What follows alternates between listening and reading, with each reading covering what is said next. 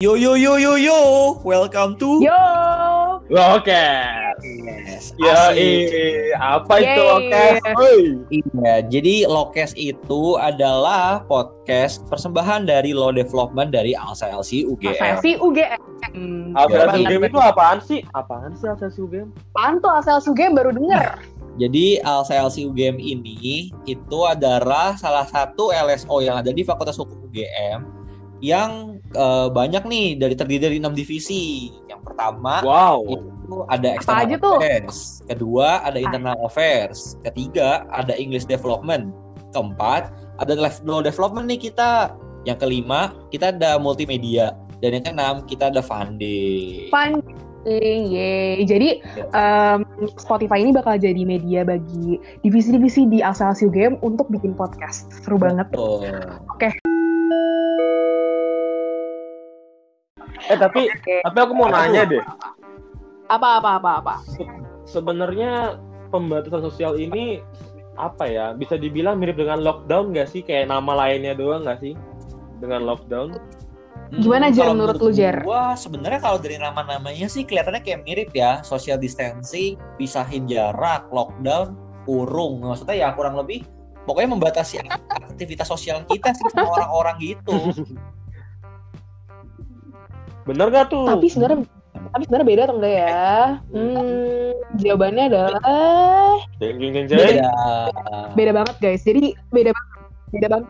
Jadi kalau misalnya dilihat dari definisi lockdown itu sendiri, lockdown itu artinya larangan bagi masyarakat untuk keluar masuk sebuah wilayah tertentu sampai suasana di dalam wilayah tersebut kembali kondusif. Jadi lebih kepada penutupan pintu masuk sebuah di- eh, sebuah wilayah dan penutupan pintu keluar suatu wilayah supaya masyarakat ibaratnya ketrap lah di dalam nggak bisa keluar masuk kayak gitu. Oh gitu. Ya, Oh Ya. berarti kalau misalnya kita di lockdown, Ira kemarin nggak bisa balik ke Jakarta dong secara ilustrasi. Bener banget. Nah, secara ilustrasi bener banget. Kalau misalnya di lockdown, misalnya Jogja di lockdown nih, kan gue tinggal di Jogja kan, kuliah. Eh, kalau di Jogja di lockdown ya, gue nggak bisa naik pesawat atau naik mobil untuk ngelewatin perbatasan Jogja untuk pergi ke Jakarta gue nggak bisa karena udah ditutup. Itu namanya lockdown. Ngerti. Kayak gitu. Tapi tapi tapi Ira, jangan Hmm? salah loh di kosan Apa, apa, kosan aku di ganggang kosan aku. jadi aku kosannya di Pogong. jadi kalau mau yang tahu lebih lengkap silakan DM aku aja di Instagram @jerikalimas. Jadi oke. Jadi di kosan aku di jadi di, di kosan aku di Pogung itu udah banyak banget loh apa blok-blok atau komplek-komplek yang menutup pagar rumahnya dan tulisannya Wah, lockdown. Itu gimana? sendiri itu ya. Wah, itu itu tuh sebenarnya gini. Sebenarnya gini nih Kak Jer, sebenarnya itu salah persepsi. Kenapa? Hmm. Karena tadi kalau misalnya dilihat dari definisi, lockdown itu kan bener-bener nutup nih dari awal, eh, dari pintu masuk dan pintu keluar. Jadi Mm-mm. nggak boleh ada aktivitas keluar masuk. Kalau misalnya itu kan misalnya di Pogung nih, Mm-mm. aku tetap bisa masuk, Betul, orang lain bisa. tetap bisa keluar. Aku masih Nah, GoFood jadi- kok. kan? Nah, Jer kemarin lu beli beli- apa Jer kemarin? Iya, GoFood? beli makanan Bisa enak kan lah lu? pokoknya. Masa sebut merek sih nggak boleh dong. Kan kita nggak di endorse. Kecuali di endorse ya. Kemarin kemarin lu ke pacar Nah lu itu keluar makanya, juga Jer, makanya kayak kan? beli beli makan, beli itu masih bisa keluar masuk.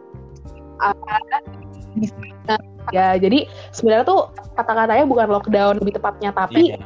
PSBB, PSBB karena itu versi lebih kecil dan lebih longgar karena mobilitas masyarakat tuh tetap bisa jalan di Betul. situ kayak gitu.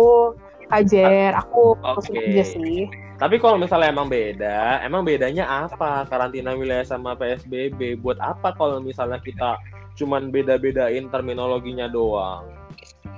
Nih, jadi sebelum kita lanjut ke sana dulu ya, sebelum kita lanjut ke perbedaan antara PSBB sama karantina, sebenarnya dalam tatanan hukum Indonesia kita tuh nggak kenal sama istilah lockdown. Kok bisa? Oh gitu. Nggak ada istilah lockdown. Nggak ada, nggak ada. Jadi istilah yang paling dekat Tuh, Kaget padahal kita sering lihat apa wow. lockdown, lockdown.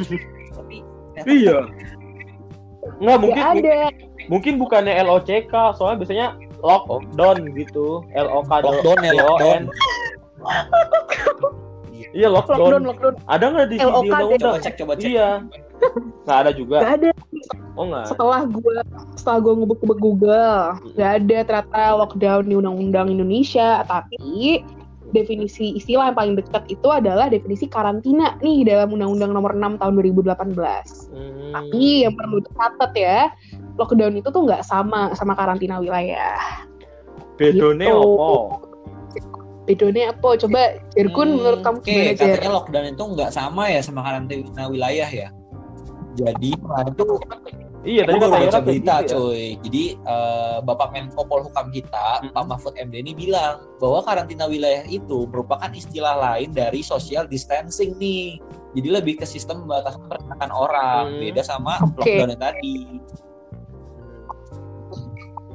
Oke, wow, iya sih. Emang kayak gitu. Terus lockdown itu juga dia tuh Nah, lebih iya, apa ya? Lebih strict gitu loh.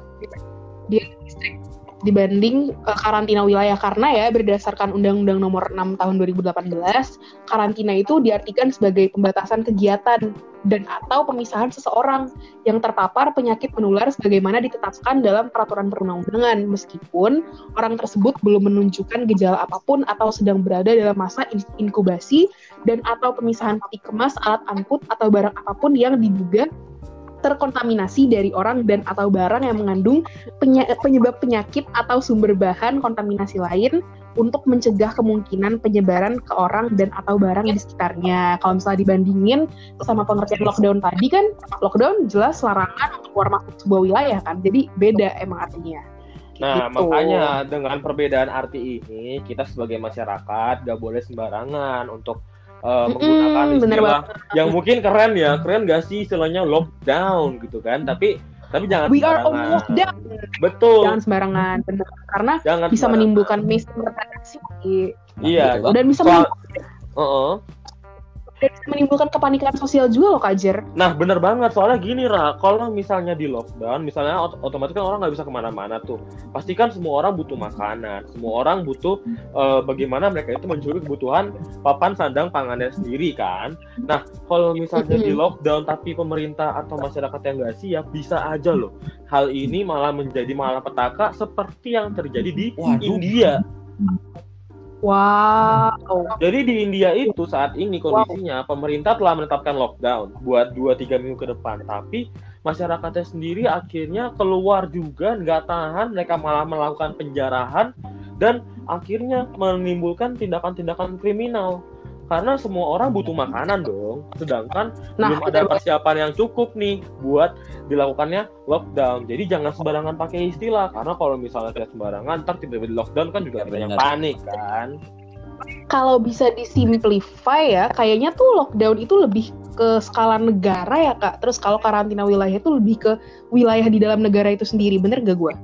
Betul, tapi yang berhak untuk menetapkan siapa yang boleh karantina wilayah tetap oleh presiden, tetap oleh Betul, Negara. betul banget, betul banget, betul banget. Jadi eh, titik ber- titik beratnya itu ada di skalanya ya kak ya. betul Skalanya. skalanya.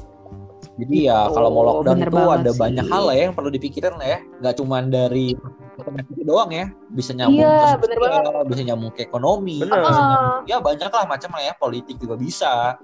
Jadi ya pemerintah ini harus hati-hati banget Iya. kalau menerapkan istilah eh, lockdown ini. Kalau misalnya nih teman-teman ada yang ngomong kayak ah tapi kan negara maju kayak Italia sama Arab bisa-bisa aja tuh nerapin lockdown nggak bisa kayak gitu teman-teman karena harus eh, nggak bisa nggak bisa dibandingin kayak gitu karena emang situasi mereka sama Indonesia bener tuh nggak apple to apple Betul. Nih, apple to apple, Apa apple to apple apple to Samsung mungkin. apple to Samsung mungkin bukan apple to apple gitu karena nih kalau misalnya berdasarkan data dari Badan Pusat Statistik jumlah pekerja informal di Indonesia tuh jauh masih lebih dominan dibanding pekerja formalnya Benar. Jadi kalau misalnya pemerintah nerapin lockdown, bisa dibayangin ya gimana banyak banget orang yang bekerja di sektor informal yang kehilangan pendapatnya, terus pendapatannya, terus jadinya nggak bisa akses terhadap kebutuhan kebutuhan dasar dia. Bayangin deh petani kan Oh nggak iya, bisa work from home gitu loh. Ya, petani, Loh. gimana petani work from home? Coba. Bisa pakai itu game apa namanya? Farm Farm, apa itu yang nanam-nanam itu? Oh, gitu. Ah, itu field. download ya Pak Didi download dulu ke PDF. Padahal download dulu cuy, ntar di print cuy. Keren sih, keren sih, keren sih. Keren sih, wow. Iya, Ya, jadi gitu pekerja-pekerja informal ini sebenarnya yang paling terdampak ya dari segi Benar. sosial Iya, maupun dari segi ekonomi karena mereka ini menggantungkan hidupnya sehari-hari dari pekerjaan dan banyak juga mereka yang melakukan jasa seperti misalnya ojek online. itu kan dia jualannya jasa ya. Kalau misalnya orang-orang yang berjual jasa, tukang potong rambut, tukang uh, orang yang uh, mungkin buka usaha bengkel itu kan nggak mungkin bisa work from home kalau nggak ada pelanggannya. Jadi ini juga yang menjadi alasan pemerintah kenapa masih belum menerapkan lockdown dan kalau bisa jangan sampai diterapkan lockdown ini. Apa tuh? Eh main imajinasi yuk. Apa tuh? Kalau misalnya ini lockdown. Imajinasiku liar. eh gila banget. aduh, aduh, aduh, tolong jadi. Ya maksudnya liar tuh kreatif iya. maksudnya. Iya, gimana sih? Iya. gimana gimana? Itu menimbulkan imajinasi. Oke, nih kita main imajinasi. Gimana nih kalau misalnya tiba-tiba besok Jokowi ngumumin Indonesia di lockdown. Waduh. Itu bakal terjadi apa sih kira-kira? Yang pertama pasti panic buying. Panic buying, benar, sepakat. Panic buying. Supermarket pasti terus, langsung jadi kosong. Hmm, benar apalagi ya mungkin apalagi? kalau menurut gua ya hmm, bisa juga memicu ya. kerusuhan cuy jadi kan Hah, kerusuhan gimana tuh Eh, ya, jangan dong, ini kan banget deh ngomongnya. Ini, ini kan imajinasi gua, imajinasi oh, orang kan bisa beda-beda ya. Jadi kan Emang liar ya, banget tuh. Yang nggak bisa memenuhi kebutuhan dasarnya. kalau misalnya pas lockdown ini, contohnya pekerja-pekerja informal itu, gimana kalau gara-gara mereka nggak bisa memenuhi kebutuhan wow. dasar mereka? mereka malah jadi barbar cuy maksudnya jadi kayak jarah supermarket masih jadi kayak rampok kan kita nggak ada yang tahu ya terus ya terus ya kalau misalnya dilihat dari sisi, sisi ekonomi nih kan perputaran uang Indonesia tuh berfokusnya di ibu kota kita Jakarta nggak sih mm-hmm. kalau misalnya di lockdown bisa dibayangin tuh terganggunya bakal seperti nah, apa sistemik banget pasti kayak masih repot Wah, sih tuh jadi Iya, jadi intinya mungkin karantina wilayah tuh lebih possible kali ya dibanding lockdown iya. untuk Indonesia saat ini. Nah, bener banget, Ra. Jadi jadi gini, Ra. Tadi kan di awal kamu sempat mention ya, nanti kalau misalnya pemerintah saat ini udah menyiapkan dua kebijakan, yaitu pembatasan sosial berskala besar (PSBB) dan darurat sipil ya. Jadi gini, jadi ketika tadi hal-hal yang disampaikan oleh Jergun, oleh aku bahwa ketika misalnya terjadi lockdown dan ada kerusuhan, ada uh, penjarahan dan lain-lain yang sangat-sangat tidak, tidak diharapkan, maka dalam hal tersebutlah ketika masyarakat sudah chaos, ketika sudah tidak bisa dikendalikan oleh aparat hukum, maka di situlah diterapkan darurat sipil ini, Ra. Oh, aku paham. Jadi ketika emang udah parah banget, udah chaos banget, udah ada kerusuhan, penjarahan, baru diterapkan ini. Jadi bukan sekarang berarti diterapkan, tapi nanti, masih nanti. Karena apa? Karena kalau kita tarik dari segi historisnya, darurat sipil ini sebenarnya digunakan oleh pemerintah biasanya untuk menghadapi pemberontak. Jadi ketika misalnya, oh. nah itu kan dia ada, itu kan di ini kan diterbitkan dalam Perpu ya, Perpu nomor 23 yeah. tahun 2000 hmm. eh, tahun 1959 tuh kalau nggak salah. Iya nah, betul tentang bahaya. Nah betul itu. Nah jadi kan di dalam uh, Perpu itu disebutkan darurat sipil ini um, adalah keadaan bahaya selain keadaan darurat militer dari keadaan perang yang terjadi ketika alat-alat perlengkapan negara dikhawatirkan tidak dapat mengatasi kondisi keamanan atau ketertiban hukum di seluruh wilayah atau di sebagian wilayah negara di mana kondisi ini terjadi apabila negara terancam pemberontakan, kerusuhan, bencana alam perang atau uh, per, uh, perebutan wilayah dan atau negara ketika dalam keadaan bahaya. Jadi sebenarnya intinya dari darurat sipil ini dulu ini secara historis diterapkan ketika Indonesia masih menghadapi banyak pemberontakan. Jadi kan tahun 1959, tahun 1960-an itu kan kondisi politik kita kan masih belum stabil. Kita masih sering digerecoki iya, oleh iya. Eh, negara-negara uh, luar penjajah bekas penjajah kita dan juga iya banyak banget uh, daerah-daerah di Indonesia yang terbentang dari Sabang sampai Merauke ini yang banyak uh, mengadakan pemberontakan daerah. Nah, dalam konteks itulah darurat sipil diterapkan. Jadi ketika saat ini kondisinya masyarakat sampai saat ini yang masih tertib, jadi ketika, ketika masih, masih tertib, masih bisa patuh pada pemerintah, jadi jangan takut karena darurat sipil ini nggak bakal diterapkan kecuali sudah terjadi keadaan chaos dan juga bisa dianggap mengancam keadaan negara Indonesia itu sendiri seperti itu. Yang menarik nih, mm -mm. gue punya istilah. Apa? Tuh? COVID itu COVID itu kan ibaratnya bukan bencana alam ya. Kalau misalnya nih dari kalimat uh, undang-undangnya, eh, sorry sorry, perpu perpu. Apa negara terancam pemberontakan, kerusuhan, bencana alam, perang, perkosaan wilayah atau negara dalam bahaya. COVID itu maksud, Gimana, masuknya di mana? kan dia bukan bencana alam Hmm, bukan pemberontakan juga bukan perkosaan atau bukan kerusuhan tapi kan covid menurut itu sebuah ya, virus kalau kayak ngomongin soal masuk COVID mana ya ini, itu nggak bisa dilihat dampak langsungnya dari si COVID atau si virus ini. Betul. Jadi kan tadi udah gue jelasin dari imajinasi gue, tadi gue bilang nih, bisa jadi kalau misalnya diterapin lockdown, bisa jadi jadi kerusuhan nih. Nah dari kerusuhan itulah yang bisa eh, disambungin dengan masalah darurat sipil ini, coy. Benar. Oh ya, by the way, Baswe, gue mau ngasih informasi Oke, tambahan oke, aja make nih. sense make Jadi, sense Apa tuh? Nah, jadi kalau misalnya Indonesia itu selain darurat sipil Apa-apa juga nih? dikenal darurat militer. Nah, darurat militer ini gue tuh pernah dengar dari salah satu eh, pengamat militer Indonesia, gue nggak perlu sebut dari mana, tapi eh, beliau ini menyatakan bahwa ya kalau misalnya saat ini kondisinya Indonesia seperti ini terus, kita terapkan aja darurat militer. Nah, sebenarnya di sini eh, bisa apa ya menimbulkan persepsi baru nih, ah di Indonesia jadi menerapkan yang mana PSBB, darurat sipil atau darurat militer. Namun di sini eh, aku mau memberikan pandangan dan penegasan bahwa sampai saat ini pemerintah masih menerapkan PSBB dan juga menyiapkan belum menerapkan eh, darurat sipil. Sedangkan darurat militer itu masih belum ada dalam rencana pemerintah. Karena apa?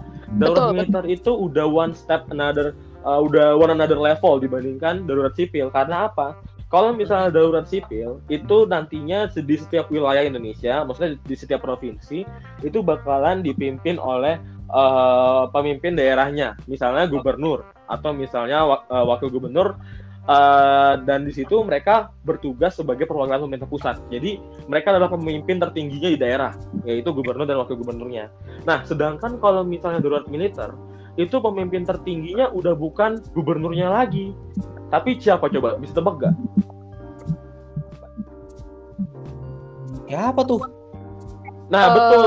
Betul. Jadi jadi yang yang menjadi pemimpin daerahnya adalah udah diambil alih sama militer, yaitu oleh Pangkodam, Panglima Komando Wilayah yang terbagi beberapa pangko- eh, beberapa komando wilayah Kodam di Indonesia. Jadi mereka ini yang udah mengambil alih. Jadi udah bukan dikuasai oleh eh, pemerintahan sipil tapi udah diambil alih oleh militer. Jadi ini udah udah tadi yang aku bilang tadi ini udah on another level dibandingkan di darurat sipil. Jadi ini beda banget antara darurat sipil sama darurat militer seperti itu.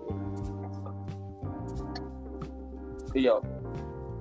Ajar, gue gue mau nambahin informasi aja ya. Jadi itu bahkan ya darurat militer Mhm. itu kan udah another level.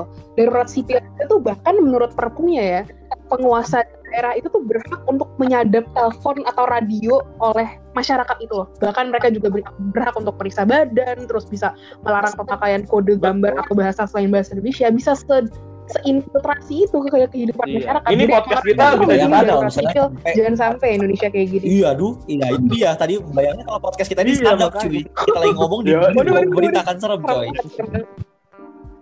Nah makanya kita jangan sampai lah ke situ. Kan Serem memang pemerintah itu sudah ya. apa Wow. saat ini kan seperti yang udah gue bilang tadi di awal bahwa saat ini dilaksanakannya adalah PSBB, tapi disiapkan darurat sipil. Tapi jangan sampai karena apa? Karena kalau misalnya kita udah ke darurat sipil, berarti kita masyarakatnya udah dalam tanda kutip gagal. Masyarakat itu sudah gagal dalam melaksanakan antisipasi yang disiapkan oleh pemerintah. Karena aku yakin banget pemerintah di sini juga udah menyiapkan dan juga sudah mengkaji dari berbagai sisi yang mana yang lebih baik buat kondisi masyarakat Indonesia sekarang yang udah disesuaikan dengan sosial budaya kita, dengan perilaku kita, kebiasaan-kebiasaan kita. Makanya diterapkanlah dengan baik PSBB ini seperti itu. Nah, makanya jangan sampai kita em, apa ya asal-asalan. Aduh, pemerintah gimana sih nih nggak lockdown? Gimana sih? Cina tuh udah tuh, Italia tuh ntar eh, corona cepet nyebar nggak gitu? Karena harus benar-benar dikaji secara mendalam Betul, dilihat dari keadaan mengambil masyarakat kayak gitu ya? gimana, kayak gitu. Banyak yang harus dipertimbangkan. Banyak yang Yes, yes, yes, yes, yes. Jadi kalau misalnya Mm-mm. ini kan inti podcast kita sebenarnya mana sih yang paling baik untuk Indonesia? Nah, kalau misalnya ditanya gitu, jawabannya kayaknya nggak ada ya, tergantung eh, apa ya, tergantung. Indonesia itu seperti apa, nggak ada yang lebih baik gitu loh. Iya. Tergantung Indonesia. Nah, setiap negara tuh beda-beda. Bisa aja Cina eh, lockdown lebih baik untuk Cina, tapi PSBB lebih baik untuk Indonesia. Nggak bisa disamain kayak gitu. Jadi emang Betul. harus dilihat Kita sebagai netizen, kita sebagai case masyarakat, case. ya kita di sini mendukung pemerintah. Bukan berarti kita tidak bisa anti kritik ya, tapi bukan berarti kita tidak tidak mau untuk mengkritik. Tapi pada saat kondisi seperti ini, pasti semua negara itu eh, menyiapkan yang terbaik buat warga negaranya. Nggak mungkin negara sebagai anggaplah negara itu sebagai bapak yang baik buat kita dan nggak mungkin seorang bapak yang baik itu akan menjerumuskan anak-anaknya kepada hal yang tidak baik karena hal ini juga akan berdampak pada eh, si ayah ini si bapak ini itu oleh berdampak kepada negara itu sendiri. Kalau misalnya eh, negara itu menjerumuskan rakyatnya bisa aja eh, ekonominya terguncang, ekonomi negara terguncang, maka nanti ini akan berdampak pada penerimaan negara ber- eh, yang akan eh, terdampak, Pengura- eh, penerimaan negara yang terdampak bisa menggoyahkan politik. Politik yang terdampak itu bisa sampai eh, mengakibatkan pemerintah suatu negara itu berguling. Kan tidak mau pasti pemerintah nggak mau nggak mungkin mau menjerumuskan dirinya sendiri gitu. Jadi pasti em, dia akan mentreat rakyatnya eh, dengan baik dan kita sebagai rakyat kita sebagai eh, warga masyarakat yang baik kita harus mensupport dan juga eh, bertindak sesuai dengan apa yang menjadi bagian kita. Dan tetap menjunjung tinggi apa yang telah ditetapkan oleh pemerintah seperti itu. Kalau pendapat dari saya. Hmm, Hmm, kalau pendapat dari gue Kalau sih pendapat yang penting ya saat Jeremy ini gimana nih? pertama masyarakat itu eh, harusnya sekarang sih ya menuruti lah ya apa yang ditetapkan oleh pemerintah. Kalau misalnya pemerintah suruh di rumah aja nih eh, apa stay at home aja gitu. Ya ya udah kita ikutin aja sebagai masyarakat daripada kan ini buat kebaikan kita bersama ya sebagai satu bangsa Indonesia ini daripada nanti eh, masalahnya menjadi makin besar, makin banyak yang kena kan makin repot ya, makin lama nih kita di rumahnya. Nah mendingan kita eh, nurut aja gitu sama pemerintah. ya gini Dan yang paling penting gue sum up semuanya aja karena gue idem sama kalian berdua. Yang paling penting adalah jangan gampang termakan informasi atau penggunaan istilah yang sebenarnya salah karena itu bisa menimbulkan kepanikan, chaos dan lain-lain. Jadinya hoax di mana-mana itu nggak baik juga karena bisa menimbulkan iya. lagi-lagi yang tadi. Jergun bilang. Eh banyak banget loh hoax yang ada di mau. masyarakat sekarang. Masa bokap nyokap gua tuh sering banget dapat hoax soalnya kayak ngirimin Wah. salah satu cara penangkal corona adalah menghirup uap air panas atau em, ada yang bilang katanya eh, kalau misalnya kena corona Waduh. coba minum air lemon karena pH-nya 9. Padahal lemon itu kan sepertinya asam ya. Asam kan pasti pH-nya di bawah netral Iya ya. ya kan padahal iya banyak banget hoax hoax kayak gitu ada yang bilang kalau misalnya mau ngetes corona tahan nafas 15 detik nah itu kan juga nggak logis ya jadi em, sifat-sifat hoax yang seperti ini juga jangan sampai kita eh, sebarkan juga apalagi kita yang buat sendiri karena udah banyak banget eh, masyarakat yang dipidana yang ditangkap oleh polisi karena menyebarkan hoax. Iya. misalnya dia bilang iya misalnya ada tuh eh, di Bandung katanya dia eh, ngebikin status di Facebook katanya mulai minggu depan Bandung di lockdown. Terus padahal nggak dikonfirmasi ke, Ridwan- ke Pak Gubernur Jawa Barat Pak Ridwan Kamil katanya enggak nah langsung ditangkap sama polisi. Jadi ini juga bahaya juga sama kita buat nyebar-nyebar hoax kayak gini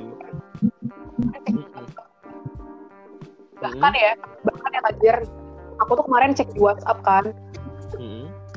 aku tinggalnya di kecamatan Catur Tunggal kan di Jogja tuh. Terus bahkan dari skala kecil itu tuh udah ada hoax gitu loh. Mereka buat surat surat surat dari kecamatannya tuh bohongan gitu yang bilang kalau misalnya kecamatannya bakal Iya. lockdown. Itu tuh ternyata banyak masyarakat luas masyarakat ini panik. Nah, terus langsung tiket jor-joran segala macem. Tapi ternyata itu hoax gitu loh. Maksudnya dari satuan masyarakat aja udah punya mindset yang untuk membuat hoax gitu jadi emang harus diperkuat dari individu masing-masing lah jangan sampai kita kayak gitu harus belajar udah ada dasar hukumnya misalnya untuk PSBB PS eh PSBB udah ada dasar hukumnya itu dicek undang-undangnya dibaca baik-baik sebenarnya PSBB itu apa sebenarnya karantina wilayah itu apa supaya kita bisa maximizing our part of Sabi uh, banget. fighting this gitu ya. virus. Jadi Gitu. ya semoga jadi setelah teman-teman nih dengar podcast deh. ini, semoga teman-teman jadi pada ngerti lah ya bedanya social distancing, tadi karantina wilayah, PSBB dan jangan sampai kebalik-balik lagi nanti. Kan nggak lucu kalau misalnya ntar teman-teman panik sendiri padahal definisinya nggak tahu apaan tuh. Gitu. Benar. Bener banget ya. Oke deh kalau gitu ini aja kali ya episode Ya. kita hari ini di Lokes episode pertama. Iya. Ya udah kalau begitu kita pamit dulu. Terima Oke, kasih banyak oke. kepada Jericho Limans yang udah menjadi guest. Terima kasih matur nuwun sami-sami matur suksma. Iya, keren banget. Yoi, Banyak. banyak ilmunya. Star kita Dan friendly ini yang juga. amazing banget nih yang udah ngasih Yoi. Ah, Masih. bisa aja nih. Iya. Pokoknya Asik, Jericho ntar pokoknya Instagramnya kita jangan, lampirin lah ya di bawah nih. boleh deh yang tertarik konsultasi.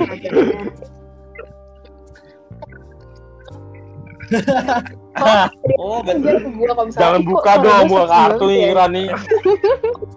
Ya udah, mungkin nanti di episode-episode selanjutnya kita bakal ada gestar-gestaran lain. Jadi ditungguin aja di lokasi Oke, oke. episode-episode selanjutnya. Pastinya makin seru, makin lama kita bakal banyak topik-topik yang lain juga yang Iya. bakal pastinya seru banget.